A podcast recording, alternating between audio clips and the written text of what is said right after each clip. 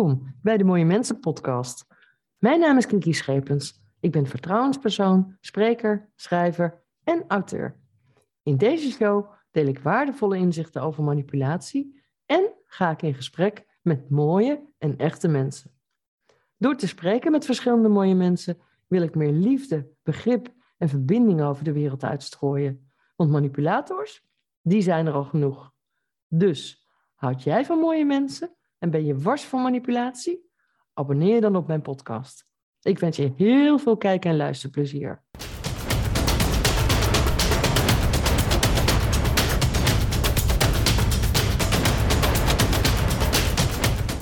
Hoe kan dat nou? Je hebt een succesvolle job in de vastgoedwereld en op een zeker moment in je leven besluit je om een boek te gaan schrijven. Maar blijf niet bij één boek. Het worden er meer. Thrillers, zo spannend dat ze hun weerga niet kennen. Ik heb het over Era Richman. Zijn laatste boek, De Paarse Engel, werd wederom een bestseller. Maar eigenlijk is zijn echte naam Erik Bakker. En waarom doneert hij de royalties van zijn boek aan goede doelen? Wat maakt hem zo'n mooi mens? Wat drijft hem? Daarover ga ik in deze aflevering van de Mooie Mensen podcast met hem zelf in gesprek. Dag Erik Bakker, welkom in de Mooie Mensen podcast. Dankjewel. Leuk dat ik uh, aanwezig mag zijn uh, vandaag. Nou, ik vind het super leuk dat je er bent. Um, net in het intro zei ik het ook al eventjes. Jij bent onder andere auteur van het boek De Paarse Engel. Ja, dat klopt. Dat ja. is uh, mijn vierde thriller inmiddels. Nou ja, thriller. het, ik denk dat het het niveau van thriller zelfs overstijgt. Nou, nou dank je. Maar, ja, maar dat, ja, mensen stoppen altijd graag in een hokje, hè, dus dan wordt het toch in het genre van een thriller uh, wordt het, uh, wordt het gestopt. Dus uh, sommigen zelfs, zelfs, zeggen zelfs dat het een actietriller is. ik heb dat er wel proberen van af te halen, want ik denk dat het inderdaad wat, wat breder is dan alleen maar een, een hele snelle actietriller. Dus er staat nu dan ook thriller op het boek. Um, in vergelijking, of in tegenstelling tot mijn vorige boek, waar dan nog actietriller op stond. Oké. Okay. En, en wat is dan voor jou het verschil? Uh, nou, ik denk dat er, uh, zeker in de Paarse Engel, dat heb ik ook al bewust proberen te doen, uh, dat er toch meer diepgang in zit. Mm-hmm. Daar waar mijn vorige boek, de Saraceense Samenzwering, blijft een beetje een lastige titel om uit te spreken, ja, toch nog misschien wel dat gehalte had van wat meer James Bond-achtig personage. Heb ik juist geprobeerd bij de Paarse Engel om meer diepgang in de personages en ook in het verhaal en de belevenissen die ze hebben, om daar wat meer diepgang in te brengen. En uh, recensenten gaven ook wel aan dat ze de Saraceense samenswering um, ook wel wat meer op James Bond vonden lijken, als personage dan. Uh, en bij de Paarse Engel werd de vergelijking niet getrokken bij uh, Robert Ludlum. Dus. Wauw. Nou, ik... ja, dat, ja, dat mag je trots op zijn, denk ik. Hè? Nou, zeker weten. ja. sterker nog, ja, het is me niet helemaal gelukt om jouw boek uh, uh, helemaal te lezen voordat we deze opname deden. Maar ik ben erin begonnen. Nou, ik vind het echt de, de overtreffende trap van The Godfather in het kwadraat. Oké, okay, nou, dat... Nou, serieus. Het boek daar ga ik even van genieten de hele weekend. ja, nee, maar het boek neemt je zo mee. Wauw, je zit er gewoon gelijk in. Oké, okay. nou ja, het is goed om te horen. Dat krijg ik ook wel terug van mensen. Dat ze uh, vanaf de eerste pagina eigenlijk wel meteen meegenomen worden in het verhaal. Uh, ja, ik denk dat dat ook bij een uh, thriller met een bepaalde snelheid, ik zal het woord actietriller dan maar niet meer gebruiken, maar dat het ook wel belangrijk is dat je zeg maar vlot in het verhaal wordt meegenomen en ja, eigenlijk de neiging hebt om elke keer weer door te lezen. Dat, dat... Anders haken mensen af, hè? Ja, dat denk ik wel. En dat is ook wel steeds de balans die je als schrijver voor jezelf moet zoeken. Uh, we hadden het in de intro al eventjes over eh, research. Ik doe vrij veel research, omdat ik vind dat het verhaal, ondanks dat het fictie is, wel op heel veel fronten uh, geloofwaardig moet zijn en, en realistisch. En ook wel, als je het hebt bijvoorbeeld over locaties waar ik over schrijf, dat die locaties ook wel kloppen. Ja. dus je doet vrij veel research en dan krijg je natuurlijk een beetje de neiging om alles wat je hebt opgedaan qua kennis, en dat kan ook over een onderwerp gaan, dat je dat natuurlijk ook graag in je boek stopt. Ehm, maar dat kan dan weer te langdradig worden. Dus je moet altijd weer zoeken naar die balans om dat dan in een paar zinnen uh, even te verwerken, zonder dat het af gaat leiden van de hoofdspanning, zeg maar. Ja, maar hoe doe je je research dan? Uh, nou, ik put, uh, als het gaat om locaties, wel uit eigen ervaringen. Ik heb een aantal plaatsen waar ik over schrijf, ben ik ook daadwerkelijk geweest in, in het verleden, zeg maar. Ehm, dus dan heb je die beleving. Ik, grappig dat uh, ik schrijf over een locatie in Parijs en ik was niet zo gek lang eh, geleden was ik in Parijs en ik had die locatie had ik uh, via Google Maps had ik opgezocht. En toen was ik in Parijs, toen dacht ik, ja, ik ga nu wel even ter plaatse kijken of het beeld wat ik schets, en ook als je dan zeg maar uitkijkt vanaf dat betreffende pand, of dat dan klopt. Dus ik ben daar naartoe gegaan en ik heb daar staan te kijken en na een half uurtje gestaan en uh, het allemaal op me in laten werken. En toen dacht ik, ja, het klopt. Dus het is goed wat ik, uh, wat ik heb geschreven. Uh, ja, en verder als het gaat om uh, meer kennisachtige dingen, ja, kan je natuurlijk ontzettend veel van, van internet afhalen. Nou, Waarbij het dan wel de kunst is om het vanuit verschillende perspectieven te bekijken. Want ja, één um, geschreven stuk is natuurlijk niet zaligmakend. Nee, maar ook... Dus je, je leest vanuit meerdere perspectieven lees je dan over een bepaald onderwerp. En ja, daar uh, maak je dan voor jezelf maak je daar, uh, zeg maar een, een, samenvatting van. Nou, ik, ik wil graag zo meteen uh, verder, dieper ingaan op jouw boek en al je beweegredenen, je motivatie. Maar wat ik me vooral afvraag, um, je hebt Nijrode gedaan, je bent ja. in het vastgoed beland. Ja. Vertel eens wat meer over jezelf, want je gebruikt ook voor je boek een pseudoniem, hè? Ira Richmond. Ja. Um, ja, hoe is dat zo gekomen? Vertel eens, Erik. Uh, nou, even kort over mezelf. Ik ben uh, 57 jaar, uh, woon al heel lang uh, samen met Inge, mijn partner. we hebben geen kinderen, we wonen in een dorpje in Noord-Holland. En ehm, ja, ik ben ooit na mijn gymnasium ben ik begonnen in het vastgoed, omdat er toen nog geen uh, dagopleidingen waren uh, in het vastgoed. Dus ik heb in de avonduren heb ik uh, studies gedaan om me daarin verder te bekwamen. En zo ook op managementvlak opleidingen gedaan op Nijenrode, mijn MBA gehaald. Um, en um, 15 jaar geleden, nee, 12 jaar geleden, ben ik vanuit mijn werkzame situatie uh, dat was ooit nog wel een droom van me. Ben ik uh, voor mezelf begonnen. Eerst mm -hmm. met interim management. en twee jaar daarna met een vastgoedmanagement organisatie. die bestaat nu dit jaar tien jaar. En, Gefeliciteerd. Ja, dank je. we hebben een klein feestje gevierd. en die, dat is gevestigd in Alkmaar. En dat doen we met 50 medewerkers. Zijn we inmiddels dus. Ja. Maar dan vraag ik me af, heb je dan überhaupt nog wel tijd over om te schrijven?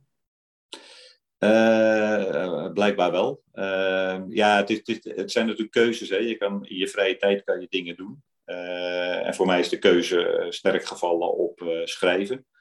nou is het wel zo dat ik ben 13 jaar geleden ongeveer begonnen met schrijven. En dit is nu mijn vierde boek. Dus er zit best een lange doorlooptijd in.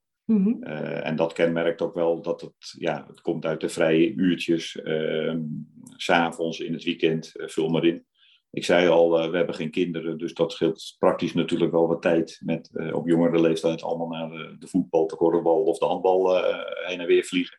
Mm -hmm. dus daar heb je dan ook wel tijd voor. Ehm, maar inmiddels, ik heb in januari heb ik uh, samen met mijn mede-eigenaren uh, hebben een uh, meerderheidsbelang van onze organisatie verkocht.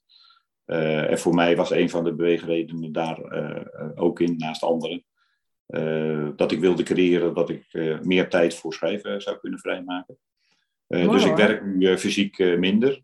En ja, wil die tijd dan ook wel gaan besteden aan schrijven, omdat schrijven echt ook wel een passie van me is geworden door de jaren heen. Dus, ja. Nou ja, schrijven.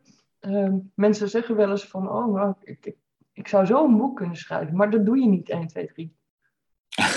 nee. nou, ik zou wel iedereen willen aanraden, als je, als je dat, dat gevoel hebt, uh, doe het ook gewoon. Want uh, ik zelf heb altijd heel lang in mijn hoofd gelopen, ook met het idee van ik wil ooit nog eens een keer een boek schrijven. Ehm, en 13 jaar geleden, het is allemaal een beetje 13 jaar geleden lijkt het wel, toen werden twee geliefden in mijn omgeving geconfronteerd met kanker. Ehm, en gek gezegd, even naast alle ellende, was dat voor mij ook wel een moment dat ik dacht van, uh, ja, als ik nou die droom heb, dan moet je er niet alleen maar over blijven mijmeren, maar dan kan je ook proberen om die droom in te vullen. Dus dat was voor mij, gek gezegd, het startpunt om ook met schrijven te beginnen. Omdat ik dacht van, ja, ooit komt nooit, dus uh, doe er gewoon wat mee. Uh, dus ja, en dan ga je maar dan ga je aan de slag. Nou ja, en dan ontwikkelt zich dat, ja. Ja, je zegt gek genoeg, maar ik hoor dat van meer auteurs. Ik had uh, onlangs een interview ook met Nina Blom, hè, mhm. auteur van Je bent een verschrikkelijk kind. Ja. En zij zei precies hetzelfde. En zelfs ook een therapeut had haar aangeraden om te gaan schrijven. Oké, grappig. Ja. Dus ja, ik vind dat helemaal niet gek. Ja, ik weet niet of het nou uh, een soort uh, therapeutische oefening voor mij is geweest hoor. Want Ehm, dat gevoel heb ik er tenminste niet, uh, niet bij. Uh, maar het was meer zoiets van, mijn broer lag in het ziekenhuis en echt wel op het randje, zeg maar. Mm en toen realiseerde ik me wel weer van, ja, weet je, het kan morgen over zijn. Dus um, waarom zou je niet proberen een droom die je hebt dan ook tot, tot werkelijkheid te laten worden? Ja. Dus dat, dat was misschien meer de motivatie. Uh, anders dan uh, zeg maar een stukje uh, ellende wat je meemaakt van je af proberen te schrijven. Maar misschien onbewust heeft dat ook geholpen hoor. Dat, dat kan. Dat, dat zou kunnen, maar je bent het gaan doen. Um, ja. En, en je broer, heb je die nog? Ja, gelukkig wel. Gelukkig. mijn schoonvader daarentegen, wat de andere persoon was, niet meer. Die heeft het niet overleefd. Oh. Ehm, dus die is op een relatief jonge leeftijd, 67, is hij uh, overleden. Ja, dat is jong. Ja, veel te jong, ja. ja. ja. En, en waren dat ook uh, gebeurtenissen die een beetje op hetzelfde moment in je leven gebeurden? Ja, het, was, uh, het overlapte elkaar, want ze hebben elkaar zeg maar ook nog wel, ze hadden een goede band ook, ik het ook gezien misschien. Maar, oh. dus we hebben elkaar een rol opgezocht en erover gesproken. En, dus ja, dat, dat was wel, uh, zeg maar, in de familiaire kring was dat best een uh, vrij bizarre periode. Ja, dat hakt erin, dat is heel heftig. Ja, ja. Dat is heel heftig. Ja, ja, nou, ja. In ieder geval sowieso fijn dat je broer het wel overleefd heeft. Ja, zeker, absoluut. Maar dat is ja, kanker is zo'n um, onheilspellende ziekte. Ja, en uh, ja. misschien een, eh, een, bruggetje ook naar, naar de goede doelen hè, die, ik, uh, die ik steun. Uh, dat is zeg maar ook wel de motivatie geweest ehm, voor mij om onder andere dan voor de AIA Jonge Kanker Foundation te kiezen om mijn schrijversroyalties aan uh, te, doneren. Te doneren. Uh, Naast uh, zeg maar Dream for Kids, wat ook een supermooi initiatief is. Maar dat persoonlijke met, dat, met kanker, zeg maar, dat, ja, dat gaf wel een, een, een, hele kriebel, zeg maar, om daar iets mee te gaan doen. zeker als je dan ook nog ziet dat, dat het bij AYA gaat om een doelgroep van mensen tussen de 18 en de 38 jaar. Uh, en dat is voor iedereen is het verschrikkelijk, laat, laat dat helder zijn. Maar ik kan me ook heel goed voorstellen dat als je net aan het begin van nou, een carrière zit, of je wil een huis kopen of een gezin stichten, of uh, nou ja, noem het allemaal maar op. Uh, ja, dat dat dan natuurlijk enorm inhakt ook. dat, dat je hele leven ook, in, ook een hele belangrijke fase natuurlijk op zijn kop komt te staan. Nou, nog. En, ja, even voor de kijkers en luisteraars. Want jij doneert de royalties van jouw boek aan twee goede doelen. En dat zijn de Aya Jong en Kanker Foundation en Dream for Kids. Ja, ja. dat klopt. En, en ja, ik, ik vind uh, dat al, alleen al ontzettend mooi dat je dat doet. Ja, nou ja, ik heb, uh, ik heb het zelf uh, goed genoeg. Uh, en het is altijd de vraag, ja, hoeveel, hoeveel meer wil je dan hebben? of kan je ook wat voor een ander betekenen? En ik was bezig met het vormgeven van de hoofdpersoon in mijn vorige boek. En dat is dezelfde personage, zeg maar, als nu in De Paarse Engel. Jim Matthäus, hè? Jim Matthäus, ja, de geheime agent. Ehm, en toen ik met het uitwerken van zijn personage bezig was, had ik zo'n soort ideaal beeld, wat we ook wel kennen van James Bond, die redt de wereld elke keer. nou, ik wilde hier wat verder gaan, maar de geheime agent vraagt zich ook echt af van, ja, ik, ik wil de wereld beter maken. ik ben zelf vrij, zonder somber te zijn, pessimistisch over wat er allemaal in de wereld om ons heen gebeurt. Uh, en, bijzonder jammer dat dat ook allemaal zo gaat. Dus uh, stiekem aan dacht ik, nou, als ik nou een geheim agent creëer, dan kan die misschien de wereld een beetje beter maken. maar op het moment dat ik daarmee bezig was, dacht ik wel van ja, is dat nou eerlijk om jezelf te verschuilen achter een fictief personage? Of moet je zelf ook niet wat doen om de wereld beter te maken, naast de dingen die je al aan het doen bent. Dus dat is eigenlijk een beetje de aanleiding geweest dat ik dacht van, nou, weet je, als ik nou mijn inkomsten van uh, mijn schrijven, creatieve passie, kan gebruiken om het leven van anderen wat aangenamer te maken. mijn best realiseren, omdat dat misschien een heel klein druppeltje op een ontzettend gloeiende plaat is. Maar ehm, toen dacht ik van, nou, prima, ik ga alles wat ik krijg, doneer ik aan het goede doel. Ja, dat is toch super mooi. Ja, en ik ben ik begonnen met, uh, bij het vorige boek met Warchild. Uh, en dat was eh, super leuk om te doen. Ehm, ik miste alleen een beetje uh, ten opzichte van nu, zeg maar, dat Warchild. En dat hebben ze ook gezegd van tevoren hoor. Het is, het is helemaal geen negatief geluid richting Warchild. Ze hebben steeds gezegd van nou, het is jouw actie. En mhm. fantastisch dat je dat doet. maar we gaan ons er niet al te zeer mee bemoeien, zeg maar. Uh, nee, dat mag ook niet. En dat, dat hoefde op zich ook niet. Uh, maar ik realiseerde me wel later van, uh, ja, ik ben één van de hele velen die iets doen. En nogmaals, prachtig hoor dat, iedereen dat doet.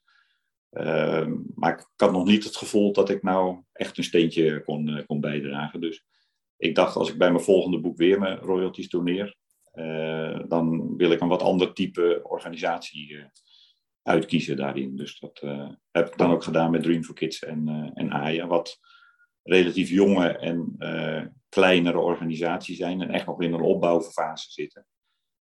en zij zijn heel erg enthousiast in het ondersteunen ook, zeg maar, van, van de actie die ik, die ik nu doe. Ja, maar dat is alleen maar mooi, vind ik.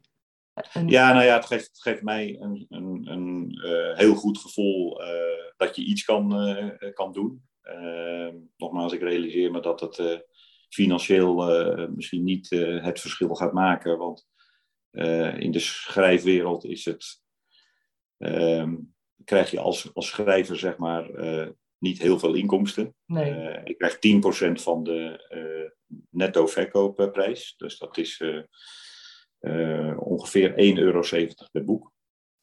Nou is het zo dat mijn uitgever, dat vind ik echt een super mooi gebaar, uh, ook 1 euro per uh, verkocht boek uh, schenkt. Dus ik kan 2,70 euro aan de goede doelen schenken. Nou, dat moet dan door twee, want het zijn twee goede doelen. Ja. En, maar ja, ze zijn super blij met wat we aan het doen zijn. En ja, ik hoop stiekem aan, natuurlijk enerzijds als schrijver, omdat ik in heel veel boekenkasten van onbekenden wil komen te staan.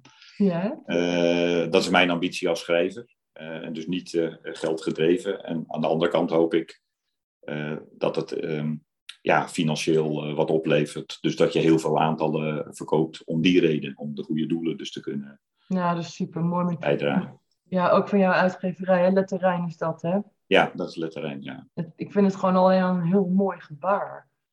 Um, ja, nou ja, nogmaals, ik heb het uh, zelf uh, goed genoeg. Uh, we hoeven geen tweede huis, boot, weet ik van wat allemaal we zijn blij met wat we hebben. En nou, als je dan iets kan betekenen voor iemand anders, dan geeft me dat uh, een rijker gevoel, zeg maar, dan, uh, dan de inkomsten uit de boek in mijn zak te steken, zeg maar. En dat is nou precies een van de redenen waarom jij in de Mooie Mensen podcast zit. ja, nou ja, jij, leuk. Ja. ja. maar jij hebt me ook wel eens laten weten van, nou, ik, ik wil een lichtpuntje zijn voor anderen. Maar ik denk ja, en je zegt van ja, het zal misschien niet, niet de lading dekken, maar alle beste help, alle goede doelen hebben geld nodig. Dat is gewoon zo. Um, ja, zeker. En uh, het, het, viel me ook wel weer erg op. Ik heb uh, eind 2021, toen mijn manuscript eigenlijk klaar was, heb ik een oproep op social media geplaatst. omdat ik iets anders wilde dan, een, dan boardchat, zeg maar. Mhm. en daar kreeg ik verbazing veel, verbazingwekkend veel reacties op, iets van 75. Dat is veel. ja, dat vond ik veel. ik heb er weinig ervaring mee, maar ik dacht van, oh, wat heb ik nou op mijn hals gehaald? Want nou moet ik moet ik gaan kiezen. Eh, dus ik heb me eerst verdiept in eh, heel veel van die organisaties. Uh, een aantal ook zeg maar, terzijde geschoven, omdat dat niet helemaal voldeed aan het profiel. Nogmaals, mhm. met alle respect voor wat, wat iedereen doet op dat gebied. Ehm, dus ik heb uiteindelijk een shortlist gemaakt van vijf partijen. Ik ben met die vijf partijen in gesprek gegaan, omdat ik het ook belangrijk vond dat hoe staan zij erin en willen ze er iets aan doen in de zin van dat ze het uh, enthousiast ondersteunen. Ja. Uh, en heb je, ook de, heb je ook een klik zeg maar, met uh, de personen bij de organisatie, want dat vind ik ook altijd belangrijk. en is ook die klik wederzijds, want dat is natuurlijk ook een issue. Zeker. dus ik heb uiteindelijk heb ik, um, voor twee organisaties gekozen. Dat zijn AJA Jong en Kanker Foundation en Dream for Kids het was wel grappig. Ik had eh, eh, met Dream for Kids had ik een gesprek gehad. Eh, en ik was zo enthousiast geraakt door het verhaal wat de directrice vertelde en wat voor werk ze doen. Dat toen ik daar wegreed, dacht ik van nou ja, dit, dit, dit moet hem worden. Hè, want ik, moet er uiteindelijk één kiezen, dus dit moet hem worden. Ja. En toen had ik nog niet het gesprek gehad met de vertegenwoordigers van AYA. Uh, dat heb ik twee dagen later, geloof ik, uh, gehad. Uh, ja, en toen werd ik vervolgens omvergeblazen door hun verhaal. en vooral ook omdat de twee founders met wie ik gesproken heb, zelf zeg maar slachtoffer zijn geweest van kanker. Ze zijn inmiddels vrij van. Mm maar als je dan hun verhaal hoort, ja, dat, dan, dat had zoveel impact op me. dat, dat ik na dat gesprek dacht, ja, nu heb ik echt een probleem. Uh, want nou, nou, nou, moet ik echt een keus maken. En toen dacht ik, ja, waarom zou ik eigenlijk kiezen? Uh, dus ik heb beide weer gecontact en gezegd van, nou, dit is mijn dilemma. Uh, wat vinden jullie ervan als we het gewoon gezamenlijk doen? En dan krijg je weliswaar 50% van de opbrengst. Maar ja, het is meer dan nul hè, als, als de keuze niet op je zou vallen. en het bijt elkaar niet. Het zijn twee totaal verschillende initiatieven en doelgroepen die ze bedienen. Ja. Uh, en sterker nog, het kan misschien elkaar alleen maar versterken. Want juist omdat allebei uh, de organisaties ook in de opbouwfase zitten, hebben ze ook, belang zeg maar, bij uh, gewone aandacht. en een beetje in de spotlights komen te staan. Nou, dat, ze, vonden dat eigenlijk super. Sorry? Sorry? Wat zei je? Nou, ze vonden dat eigenlijk een, een supergoed idee. Dus daarom hebben we gezegd van nou, dan, dan kiezen we voor deze goede doelen in combinatie. Ja. Ja, ik vind het heel mooi, maar ja, laten we het er eens over hebben, want we hebben het over Dream for Kids. Wat doen zij precies? Ja, ik weet het, maar ik hoor het graag van jou. Ja, nou, ik kan het natuurlijk nooit zo goed vertellen als dat ze dat zelf kunnen. Uh, maar inmiddels ben ik wel een, een soort van uh, de bekend meegeraakt. Um, Dream for Kids die uh, organiseert individuele droomdagen. Dus, voor een individueel kind. Dus het is, dus niet in groepsverband. Uh, maar elk kind uh, wat een trauma heeft opgelopen, uh, dat proberen zij in een heel behandeltraject waarin een kind zit, proberen zij als onderdeel daarvan met een droomdag een kind weer een, een impuls te geven. Een perspectief op een, op een nieuwe start en dat gevoel van je bent hartstikke belangrijk en er zijn mensen die om je geven. En een kind mag dan op zo'n dag helemaal zelf bepalen wat hij of zij wil doen. En, en, wat je voorbij ziet komen is dat mensen dan op, of de kinderen dan opgehaald worden met een limousine. en een pizza mogen bakken of paard mogen rijden of nou, allerlei andere dingen. een liedje opnemen in de studio. Um, en die dag is dan helemaal volgepropt, zodat het kind aan het eind zoiets heeft van, uh, nou wauw, weet je, het leven is wel uh, leuk en ik uh, doe er wel toe. En, en daar is ook wetenschappelijk onderzoek naar gedaan dat dat echt, zeg maar, impact heeft op, op kinderen. waardoor ze weer, ja, zeg maar, het, het geloof in het goede krijgen. En ja, dat, dat is fantastisch. Ik heb zelf geen kinderen, dus wat dat betreft sta ik er misschien wat afstandelijker tegenover. Maar het, het, is natuurlijk super als je dat ziet en dat je kinderen daarmee weer, zeg maar, ja, ik zeg op het goede spoor krijgt, maar ja, dat ze weer lol hebben in het leven en zien dat er ook leuke kanten aan zijn. Want het is natuurlijk vreselijk als je dat soort dingen meemaakt. En juist dat trauma-ding is, is ook wel een motivatie geweest voor uh, mij om voor hen te kiezen ook. Uh, omdat uh, de antagonist in mijn boek, ja, die heeft een trauma opgelopen. Dat was in mijn vorige boek ook al, met die antagonist. ja, en die hebben dan nooit ondersteuning gehad om hun trauma te verwerken. En het is zeker niet gezegd dat als ze dan hulp hebben gehad, dat ze dat gedrag niet zouden vertonen, want het geeft natuurlijk geen garantie. Maar ik denk wel dat het superbelangrijk is dat, dat, dat als je zoiets meemaakt, dat je daar ondersteuning bij krijgt en probeert het een plek te geven. En uh, ja, dat je ook met die bagage wel weer op een goede manier uh, verder kan. Zeker weten. En ja, laten we wel wezen, niemand, maar zeker ook geen enkel kind vraagt erom om een trauma op te lopen. Dat kun je gewoon Nee, dat uh, lijkt me vrij uitzonderlijk dat dat... ja, maar daarom is ook, vind ik, zelf de, de missie en de visie van Dream for Kids ook heel mooi. Mhm. En, en ja, even voor, voor de kijker of luisteraar, Dream for Kids, dat is Dream en dan vier kids, hè, mochten mensen daar meer over willen weten. Ja. ja. ja nee, het is een prachtig initiatief en, en ook weer even in perspectief. Hè. Uh, ik geloof dat uh, het organiseren van een droomdag ongeveer 2000 euro kost. Mm uh, dat is dan even, als het niet gesponsord wordt, want er zijn natuurlijk organisaties of mensen die zeggen van, uh, nou, we, we, doen dat tegen een gereduceerd tarief. Of dit kan ik wel uh, gratis ter beschikking uh, stellen. Maar als je alles op zou tellen, zou een droomdag 2000 euro kosten voor een kind. Ja.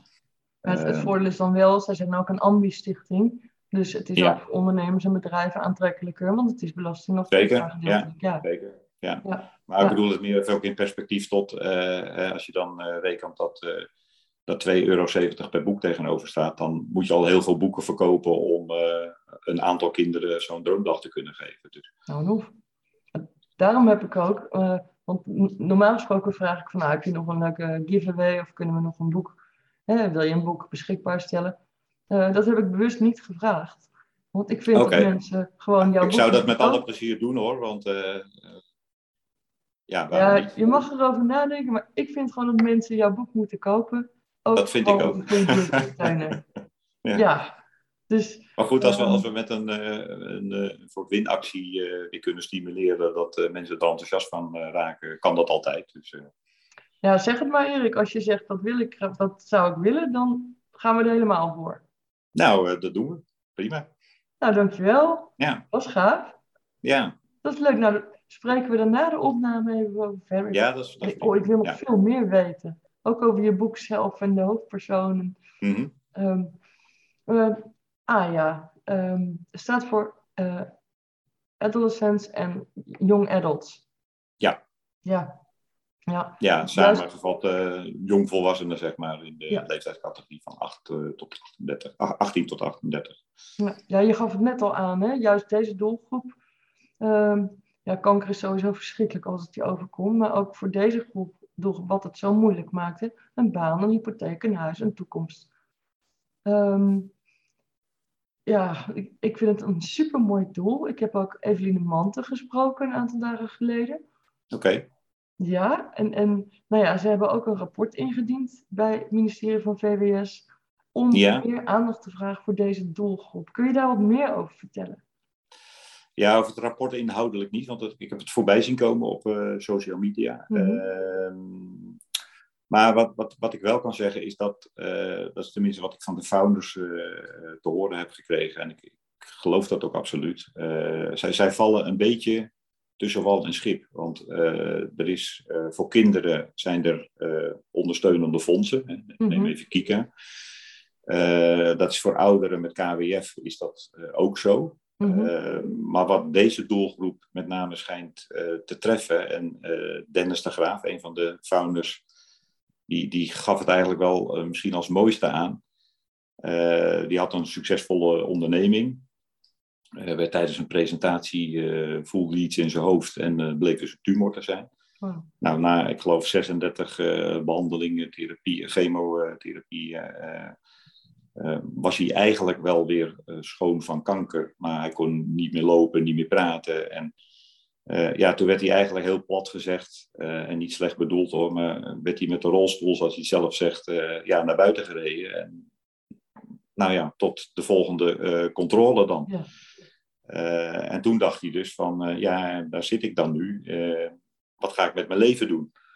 en naast onderzoek en zo, hè, want dat is ook wat de foundation doet, proberen ze dus ook, zeg maar, die jongvolwassenen ja, daarin te begeleiden en te ondersteunen, zodat ze ja, wel weer hun leven kunnen oppakken. Want nogmaals, ja, dat gebeurt natuurlijk met je carrière wat, met je sociale leven, hè, dat heeft dan ook een tijd ja. heeft dat natuurlijk stilgestaan, want iedereen om je heen gaat terecht toch gewoon verder.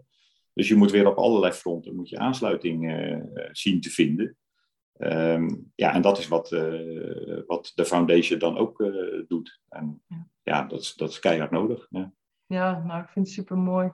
En Evelien was ook heel open. En ze zei ook van het is heel enthousiast ontvangen, ons rapport, door het ministerie. Ja, ja, en het is natuurlijk de hoop dat ze daar gewoon ook echt daadwerkelijk iets mee gaan doen voor deze doelgroep. Ja, dat uh, hoop ik uh, ook. Ik, ik, ik zie wel, uh, ja, timmert net als Dream for Kids enorm aan de weg. en ik heb het gevoel dat ze ook wel steeds meer zeg maar, aandacht in, in de media krijgen. ja, en dat helpt natuurlijk enorm, want je moet eerst weten dat er iets bestaat en dan, dan kan je er ook wat mee. Ja. ja, maar hoe mooi is het dan als je daar als ja, schrijver, auteur, maar vooral als mens aan kunt bijdragen. Dat is gewoon ontzettend mooi. Ja, eh, maar nogmaals, het, geeft me een ontzettend goed gevoel, ook wel een rot gevoel af en toe. Want uh, een, uh, relatie van me die anoniem wil blijven, die had gezegd van, nou, ik vind het zo'n mooi initiatief. Ik vind het leuk om alle medewerkers, zeg maar de ambassadeurs bij dat, dat zijn er ruim 30, en de medewerkers bij Dream for Kids, dat zijn er ongeveer 20, Ehm, om die een boek uh, dan uh, cadeau te geven, zodat mm -hmm. ze jouw boek ook uh, krijgen. Ehm, dus ik ben dat tijdens een vergadering van AIA ben ik dat gaan overhandigen. Dus dat, laatst was er ook een foto op LinkedIn van geplaatst. Mm -hmm. en dan kom je de vergaderruimte in om je boek zeg maar, aan de ambassadeurs te overhandigen. Ja, en dat, dat, dat, daar zitten dan mensen in de leeftijdscategorie hè, van, van begin twintig het waren vooral wel jongeren, vond ik. Uh, ja, en uh, dan is het best even lastig om die confrontatie te hebben, vind ik. Ja, Want dan nou, denk ik, ja, dat zijn mensen allemaal met, met hè, begin van hun, uh, van hun jongvolwassen leven. En ja, die hebben zoiets. Maar, maar toch merk je dan ook in zo'n vergaderruimte weer dat het, het bruist van de energie. En mensen zijn heel positief en zullen natuurlijk absoluut een, een slechte momenten hebben. Maar wel heel knap hoe, uh, hoe zij daar dan mee omgaan. Uh. Zeker, maar ook... Ja, en dan realiseer je nogmaals ook, ja, je mag blij zijn dat het jezelf niet heeft getroffen. of nog niet, je weet het nooit. Maar, en dat je ja, blij moet zijn, denk ik, met de dingen die je hebt. Nou, Hoe theatraal het misschien ook klinkt. Maar... Nee, maar dat is, dat is echt zo. Maar ik kan me wel voorstellen, als je daar inderdaad komt, Um, je ziet zoveel jonge mensen dat het je ook gewoon echt aangrijpt. Dat je gunt het echt werkelijk niemand, je ergste vijand nog niet. Nee, en dat, dat zijn ook best lastige momenten. Dat had ik toen ook met mijn broer en met mijn zoonvader. Ja, je hoeft niet te vragen van hoe gaat het met je? Want dat antwoord kent iedereen wel. Terwijl aan de andere kant is het ook denk ik de kunst om wel zo normaal mogelijk te doen. En mensen niet het idee te geven dat ze een soort slachtoffer uh, zijn. Ja, ik denk zelf altijd, hè, als je mensen in je omgeving hebt die, die geraakt worden door kanker, dat het heel belangrijk is om te vragen wat de behoefte van de persoon is. Waar heb jij behoefte aan? Ja. Ja. Maar daarom, ja, super mooi dat de twee doelen, ja, Dream for Kids dan voor getraumatiseerde kinderen en uh, AYA zich inzet voor deze specifieke groep kankerpatiënten. Ik vind dat heel bijzonder, Erik. Nou ja, dankjewel. Maar nogmaals, uh, het geeft mezelf ook een heel goed gevoel. Ik, ik, heb, uh, dat heb je misschien zelf als je, als je jonger bent en bezig bent met je carrière. Ik, ik, zeg wel eens van, nou dan was het motto misschien nee, op sommige momenten leven voor geld. En dat is bij mij door dat schrijven en de dingen die ik daarmee ben gaan doen, is dat wel omgedraaid in geld voor leven, zeg maar. Dus dat Ja. ik nu probeer om dat geld wat in te zetten voor ja, alles wat met eh, eh, leven, normaal leven te maken heeft. Ik denk dat dat ook een gezonde ontwikkeling is hoor. Als je nu als je nog, ouder wordt. tuurlijk, als je nu nog hetzelfde in het leven zou staan eh, als toen je bij wijze van spreken 21 was, ja, dan zou je geen persoonlijke groei hebben doorgemaakt. Nee, het is een beetje die bekende piramide van Maslow, hè, denk ik. eh, ik denk het ook. Ja, Maar wel goed. eh, die, die, die vind ik in ieder geval wel kloppen. Ja, nou, wel mooi. ja, maar het is gewoon mooi als je vanuit je hart andere ja, dingen kunt doen voor een ander. Dat is heel, ja, ik vind dat heel mooi. Ehm, Ja, we hadden toen, eh, en was je ook al wat verder in leeftijd natuurlijk, maar eh, toen ik eh, begon met schrijven hadden we, eh, ik heb voorheen geschreven met een co-auteur. Mhm. Eh, daar komt de naam eh, Era Richman ook vandaan. Dat was nog een van je vragen. Ja. Is dat gekomen? Ehm, dat is een anagram van onze beide voornamen. Dus van mijn co-auteur heette Herman en ik heet Erik. En ik heb daar eens een keer mee zitten husselen tijdens een vakantie. En toen kwam daar Era Richman uitrollen. En als je dat nou met veel fantasie vrij vertaalt, dan is dat, eh, kan je het vertalen als het tijdperk van de rijke mannen. Ja. Ik dacht van nou, natuurlijk, wij gaan beginnen met schrijven. We schrijven natuurlijk meteen een bestseller, eh, worden daar eh, heel rijk van. Nou, dat is er in financiële zin dus nooit van gekomen. Maakt ook helemaal niet uit. Maar ik zeg wel eens gekscherend, ja, ik, ik heb er weer een hele andere rijkdom voor teruggekregen. ja en dat zit dus veel meer op dat, op dat andere vlak. Eh. Dus Ja, eigenlijk eh, klopt het pseudoniem, klopt, eh, qua naam klopt eigenlijk wel, ja. Ja, nou is toch mooi? Ja. Ja. En nou had je het ehm, een paar minuten geleden over het woord de vijand. Laten we het eens over jouw boek hebben. Want ik heb, eh, nou ja, sowieso als mensen dit horen of zien, eh, eh, de trailer alleen al, eh, de teaser. ehm, de- ook, daar staat ook in van America, prepare to die. Ja, Wow, dit, dit is, eh, ja, je schrijft ook echt heel, heel beeldend, alsof je echt in een film belandt. ja dat krijg ik vaak terug. En eh, dat, dat vind ik super mooi. en ik hoop dat dat ook nog eens een keer eh, eh, bewaarheid wordt. Want, want eh, ja, als je nou nog een droom hebt, dan zou ik het super mooi vinden als eh, eh, een van de boeken nog eens een keer verfilmd wordt. Nou, ik denk dat jouw boeken zich daar zeker voor lenen. Ja, nou ja, ik zou iedereen eh, willen vragen als ze connecties hebben in die wereld. eh, ik eh, hou me van harte aanbevolen. Ik Ja. denk, en dat krijg ik ook wel van mensen die het boek gelezen hebben en recenseren. Ja, de naam Netflix is al verschillende keren voorbij gekomen. Mensen zien het echt zitten als een, als een serie. Ik denk zeker ook met het vorige deel erbij. Dat denk ik ook. Ja, daar zou je best een paar seizoenen van, van kunnen draaien. Dus, Dat denk alleen ik. ik ben zelf geen filmregisseur en ik heb de budgetten niet. Dus Nee, maar wordt een beetje lastig om in het eigen wereld- horen, ehm, ja, of, of zien, je weet het nooit. nee, je weet het nooit. Dus, Maar wie zou je dan eh, als beoogde hoofdrolspeler in gedachten hebben? Kun je iemand noemen? Heb je daar al over nagedacht? Nee, daar heb ik niet over nagedacht. Het is wel grappig dat je dat vraagt, want eh, ik heb meegedaan aan een boekentour bij Hebban. Mhm. En daar hebben we samen met de uitgever hebben we dan 50 boeken ter beschikking gesteld. Eh, en daar hebben mensen dus ook een recensie eh, over moeten schrijven. Mhm. Eh, daar kreeg ik dus meerdere keren dat filmpje van, van terug.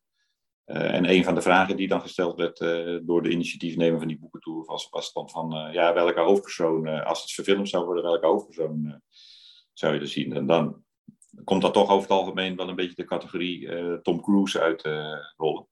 Maar is die misschien ja. iets een beetje op leeftijd, maar eh, ja, zo'n zo'n zo'n type, of Jason Statham, ja, eh, zo- zo een type zou het natuurlijk, eh, denk ik, uitstekend ja. kunnen invullen. Of Leonardo DiCaprio misschien? Ja, zou kunnen, ja. Die ken ik niet heel erg in dat soort rollen, maar Ja, ik vind een dijk van een acteur, maar ja, Ja, nee, absoluut. gelijk een groot bereik ook voor je verfilming. hij mag me bellen. Ik ken hem niet persoonlijk, maar ik zal eens een balletje voor je opgooien. ja. Maar even terugkomend op jouw boek, hè? Want ja, Ja. ik heb hem hier. Kijk, zie je het? Ja. Nee, het is slecht te zien. Zo, ja, het gaat een beetje... eh, Ja, dat komt echt door mijn kamer hoor. Ik heb ook problemen met de achtergrond. Nu is de titel in beeld, dus... Ja, de paarse engel in ieder geval. Ehm, nou ja, goed. ehm, ja, het begin, je zit er echt gewoon gelijk in. Maar dan denk ik ook van, sommige dingen zijn zo evil. Hoe kom je erop? Want je bent, je bent helemaal niet evil. Hoe, hoe, hoe voorzien je Nou, dat, dat weet je maar niet, hè. Bedoel, Maar je bent niet evil. Nou, ik, ik geloof wel dat elke mens, elk mens een beetje een duistere kant heeft misschien. Maar, eh, en de een etaleert dat en de ander minder of, nou, dat weet ik niet precies. Maar eh, nee, ik denk niet dat ik evil ben. Ja, hoe komt dat? Eh, heb ik eigenlijk niet zo goed antwoord op. Eh, ik, er borrelen dingen op in mijn hoofd als ik een verhaallijn eh, heb. En eh, ja, als je het eh, genre schrijft van thriller, eh daar moet dan natuurlijk wel spanning in, eh, in zitten. Dus die probeer je op te roepen. Mhm. Eh, ja, en daar hoort dan denk ik per definitie wel iets bij dat het eh, ook wel iets eh, angstaanjagends heeft.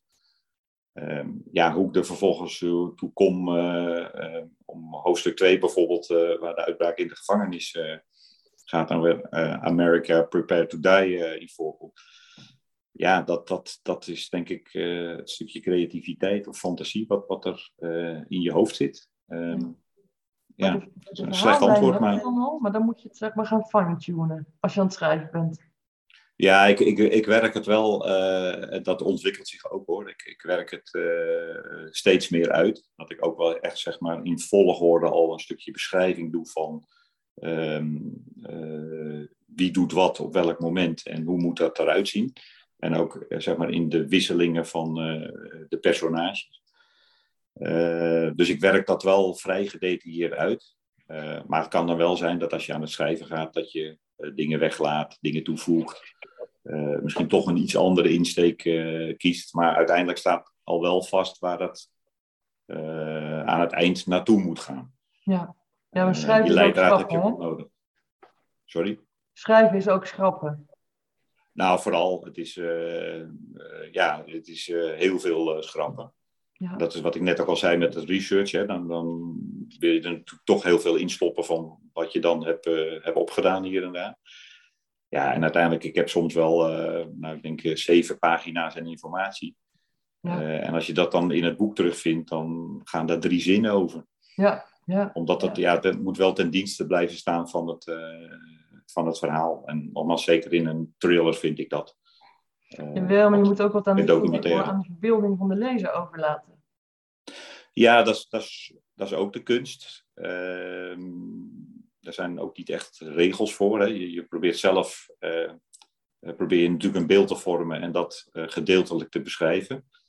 Maar ik denk dat als je tien mensen zou vragen van eh, hoe ziet eh, Jim Matthäus er nou uit, dat je toch tien verschillende eh, beelden krijgt. Of, beschrijvingen. Ondanks dat ik wel een aantal dingen aangeef, hoe zijn oogkleur eruit ziet en zijn haar. Maar ja, mensen, en dat, dat vind ik ook alleen maar prachtig. En misschien ook wel het leuke van een boek.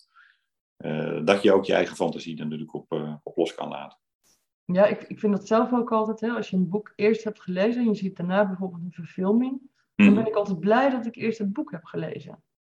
Ja, dat kan ik me voorstellen. Want als je nou eh, meteen Tom Cruise in de hoofdrol zou zien, dan neem je zijn beeld mee naar het boek. En dan zie Ja, je alleen maar Tom Cruise in het boek. eh, ja.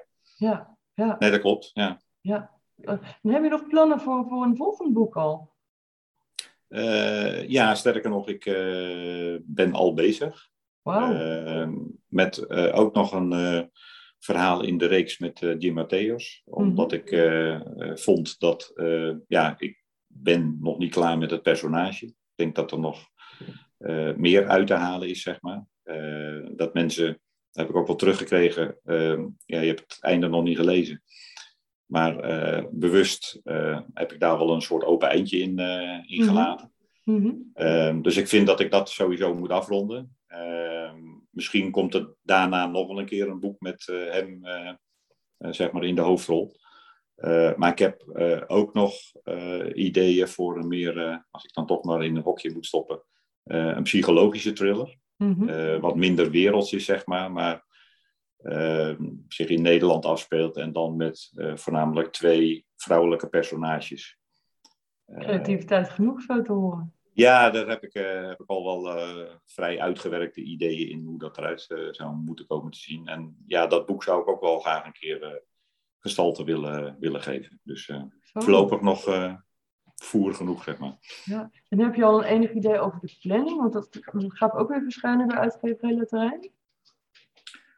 Ehm, dat is een goede vraag. Ik, ik, ik hoop de overstap te maken naar een grote uitgeverij. Mhm. met alle respect voor Letterijn. En ik zeg er nadrukkelijk bij. ik heb dit met Theo van Rijn van Letterijn. Mhm. heb ik dit besproken in een vroegtijdig stadium. En het was wel grappig dat hij mij laat zei eh, toen de Paarse Engel uitkwam en best wel succesvol uh, werd ontvangen.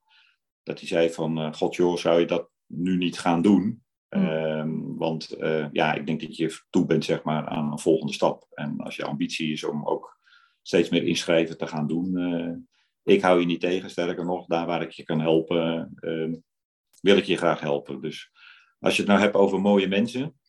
Heel respectvol dan vind ik Theo Marijn echt in dat opzicht een mooi mens. Want als jij zeg maar, in staat bent, en dat bedoel ik niet arrogant, maar om een van jouw auteurs zeg maar, te ondersteunen om een volgende stap te maken. Ehm, ja, dat, dat vind ik wel super mooi. Ik ook. En dat, dat heeft te maken met dat we ook altijd tegen elkaar gezegd hebben van, weet je, laten we transparant zijn naar elkaar toe. En hij heeft ook gezegd, van, als jij daar transparant in bent, dan heb ik daar geen enkele moeite mee, dan begrijp ik dat. En dan wil ik je ook aan alle kanten helpen. Dus uh, ja, dan blijkt maar weer als je gewoon open en eerlijk bent naar elkaar toe, uh, dat je heel veel kan, uh, kan bereiken. Ja, maar heel integer ook. Ja, maar dat, ja. daar hecht ik zelf waarde aan. En dan vind ik, ja, dan moet je dat ook naar anderen toe, moet je dat ook wel naleven. Want, ja, ja, ik vind het alleen maar mooi om te horen. En ik, ja, ik hoop het ook van harte voor je. Dat ja, dat, dat, op je pad komt. Dat hoop ik ook weet je, ehm, ook daar geldt voor dat uh, dat voor mij vooral is omdat ik hoop en denk dat je dan uh, toch een grote platform uh, hebt. Mm Letterijn moet ook opboksen, zeg maar, tegen alle uitgevers die er, die er zijn. Ja. En de grote uitgevers hebben toch zeg maar even wat meer toegang tot ook fysiek boekhandels. Hè? Want ja. mensen vragen wel eens van, ligt je boek in de boekhandel? Uh, nou, het antwoord is uh, nee. Ja, bij een paar, omdat die ook mede door de goede doelen hebben gezegd van nou, we willen jouw boek wel uh, ook weer in de mhm. winkel neerleggen. Mm. maar Letterijn heeft niet zeg maar het, het ja, bereik om alle boekhandels zeg maar, te voorzien van die boeken, omdat boekhandels kopen in. En dat zijn meestal ja, de echt populaire titels ook. binnen een bepaald kringetje, denk ik. Ja. Um, dus ja, dat, dat is lastig om daartussen te komen. Ja, dat, ik snap het ook wel hoor, in die zin dat als je natuurlijk bij een boekhandel kijkt, dan is de vierkante meters natuurlijk beperkt ook voor het genre dan weer. En dan liggen daar de internationale namen, zoals David Baldacci, John Grisham. Ja. ja, en daar liggen dan ook nog een aantal Nederlandse auteurs liggen daarbij. Dus het is, het is ook heel lastig om daar natuurlijk als een van de vele zeg maar, tussen te komen. Dus ik, ik hoop dat. en omdat ik het voornemen heb om eh, ook bij mijn volgend boek eh, weer door te gaan met goede doelen. Eh, ja, hoop ik dat dat ook daarbij zeg maar, een ondersteuning kan worden. Dat, dat er toch uiteindelijk nog meer exemplaren verkocht gaan, gaan raken. Ja, nou, dat hoop ik ook van harte voor je. Ja, dat zou onwijs mooi zijn. En Ja, iemand zei wel onlangs tegen me van, ja, stel nou dat het een bestseller wordt gaan al je royalties daar naartoe? Uh, ik zeg nou ja, ik, Ik, ik, hoop het van harte. Weet je. Ja. Uh, daarom doe ik ook 100%, want ik wil niet het idee geven van nou je draagt wat af. En dan blijft er helemaal weinig over, maar je draagt wat af, want je hebt er zelf een financieel belang bij of zo. Dat, uh, ja. dat is absoluut niet mijn uitgangspunt. Maar zoals de waard is, vertrouwt hij zijn gast, hè, zeggen ze wel eens. Ja, misschien. ja. Nee, mijn belang is heel eerlijk natuurlijk dat ik, dat ik een groter lezerspubliek bereik. Dat, dat is wat ik als schrijver graag nastreef. En, ja. Eh, een vertaling of zo in het, in het Engels? Ja, dat uh, zou natuurlijk prachtig zijn.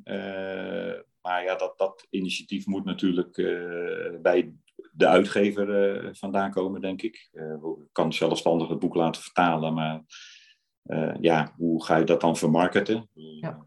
Dat is niet mijn, mijn wereld. dus dat zal je dan ook weer zeg maar, via een aangesloten agent moeten doen. Ja. Ja, en dat zou wellicht ook bij een grotere uitgever natuurlijk meer kans geven dan, dan in de huidige situatie. Ja, Ja, maar ik gun het je hoe dan ook van harte al het succes. Ja, Nou ja, superleuk om te horen. ja maar ook ehm, terugkomend op de hoofdpersoon in je boek, hè, die Jim. Ja. Ehm, die wil de wereld een stukje beter maken. Maar ja, ja het boek, hè, zo, zover ik het kan lezen, hij is ook een klein tikje manipulerend. Klopt dat? Ja, misschien, misschien is iedereen dat wel, hè, uiteindelijk. Ehm, het, is, het is voor mij, het is niet mijn expertisegebied. Eh, jij, jij zit daar natuurlijk veel meer in. Ehm, maar het, het- er is voor mij wel een, een, een onderscheid, denk ik, tussen eh, doe je iets eh, heel bewust of doe je het toch iets minder bewust. Ik, bedoel, ik, ik heb ook jouw boek nog niet helemaal uit, maar eh, ik denk wel dat Jack, hè, is het, dat die toch wel heel erg gericht bezig is om Liv in dit geval zeg maar te manipuleren. Ja.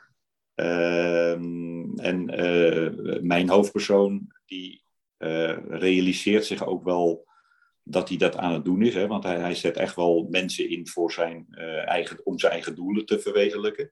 Mhm. En eh, ja, soms zijn dat eh, onbekenderen en dan zal je daar minder last van hebben als je dat zo uit mag drukken. Maar hij betrekt ook zijn eigen eh, geliefde betrekt hij erbij. Hm. En daar zegt hij dan nog van nee, dat wil ik niet, maar uiteindelijk laat hij het toch gebeuren. Ehm, waarbij hij zich wel afvraagt, ja, is dit nou wat ik wil? Maar hij doet het wel. Dus Ja. ja, uiteindelijk is dat toch een soort van manipulatie. eh, en denken van ja, het, eh, het, het doel is belangrijker dan eh, zeg maar even weerhouden dat mijn geliefde erbij be- betrokken raakt. Dus ja, in die zin heeft hij zeker dat, dat, dat, dat trekje. Maar hij doet het voor het grotere geheel, hè? ja, maar ik weet niet of dat dan nou op zich een rechtvaardiging zou mogen zijn. Eh, Nee. Nee, dat denk ik ook. Eh, maar ehm, ja, nogmaals, het, eh, het, hij doet het bewust hoor, want hij realiseert het zich. Anders zou je het niet realiseren. Eh, maar ja, het is toch wat in een ander pers- perspectief voor mijn gevoel dan jouw hoofdpersoon Zeker, ja. in Ja. het boek, die, die heel erg ver gaat, Ja. vind ik. Ja. Doelbewust, ja, ja, ja. ja, ja. Maar goed, ehm, ja, we kunnen nou heel veel nog gaan vertellen over jouw boek, maar het is juist de bedoeling dat mensen het gaan lezen. Ehm, Ja, dat, eh, Ja. ja. Nog even, want ik, ik zie dat we alweer bijna aan de tijd zitten, Erik, die hier op ja. de plan staat. Het gaat echt ontzettend snel. Nou, gelukkig maar. Ja, wat, wat is jouw definitie van een mooi mens? Ehm, dat is een goede vraag. Ik denk dat eh, mijn definitie zou zijn ehm, dat een mooi mens eh, graag een eh, lichtpuntje wil zijn en is voor een ander, zonder dat daar nou direct eigen gewin bij zit. Dus echt vanuit het hart. Ja, dat is Ja. denk ik belangrijk. Ik heb in mijn nawoord ook wel iets geschreven over lichtpuntjes. En oprecht vind ik dat, eh, ondanks dat het eh, een betaalde job is, maar de mensen, en nogmaals, dat geldt voor heel veel goede doelen en, en voor heel veel mensen in de maatschappij. Eh, maar als ik zie dat ook de, de vertegenwoordigers van Dream for Kids en AYA echt vanuit hun hart handelen. en echt proberen iets voor een ander te betekenen. Ja, dan geeft mij dat een goed gevoel. En dan, wat ik net ook zeg over Theo, op een heel ander vlak. Maar vind ik ook een mooi mens in dat opzicht. Omdat dat eh, ook zonder eh, eigen gewin proberen is een ander zeg maar, verder te helpen of het leven beter te maken. Of, eh, Ja, ja, het, het jammer is denk ik dat er zat van die mensen zijn. alleen ook een paar niet. En ja, het is vaak dat de minderheid het verpest voor de meerderheid. En dat Ja. geldt hier ook, denk ik, ben ik bang. ja, maar er zijn gelukkig nog ook wel echt goede mensen op de wereld. Nee, Mooie absoluut. absoluut. Ik Ja. eh, denk eh, het overgrote merendeel eh, is dat. En dat, dat, dat zie je ook aan alle kanten. Dat, ook in het steunen van, van goede doelen, dat mensen nog steeds daar iets voor willen doen. En, En je moet het ook willen zien, hè? Want als je het niet wil zien, dan zul je het nooit zien. ja, nee, natuurlijk. Mooi is dat. Nou, ja, ehm, sowieso bedankt dat ik een boek van jou weg mag geven. Ja, Ehm, ik heb daar eventjes over nagedacht. Ik denk dat mensen, en ik zal het ook voor, de, voor degenen die kijken hieronder zetten. Maar ik denk dat mensen sowieso zich eventjes moeten abonneren op mijn nieuwsbrief. mhm. En moeten motiveren via de mail waarom ze het willen winnen. Dat lijkt mij een mooie uitgangspunt. Wat vind ja jij daarvan? absoluut. Nee, eh, helemaal eens. Ik, en dat eh, kan dan via www.mooiemensenpodcast.nl. Ja. Ja. ik ben heel benieuwd naar de motivaties. Die laat ik je sowieso weten. Dat zal ik ook Ja, in de voorwaarden van de winactie eh, stellen. Dat, eh, want voor jou is dat ook leuk. Ja. ja, dan ben ik gewoon nieuwsgierig. Nou, ook, eh, ja. Ja, en ehm, nog een laatste vraag, Erik. Heb jij nog een boodschap voor de kijker of luisteraar van de Mooie Mensen podcast? Eh, ja, die heb ik zeker. Eh, en dat zal niemand verbazen, denk ik. eh, dat ik natuurlijk graag een oproep doe om zoveel als mogelijk mijn boek te kopen. Waarbij ik ook hoop mensen te treffen.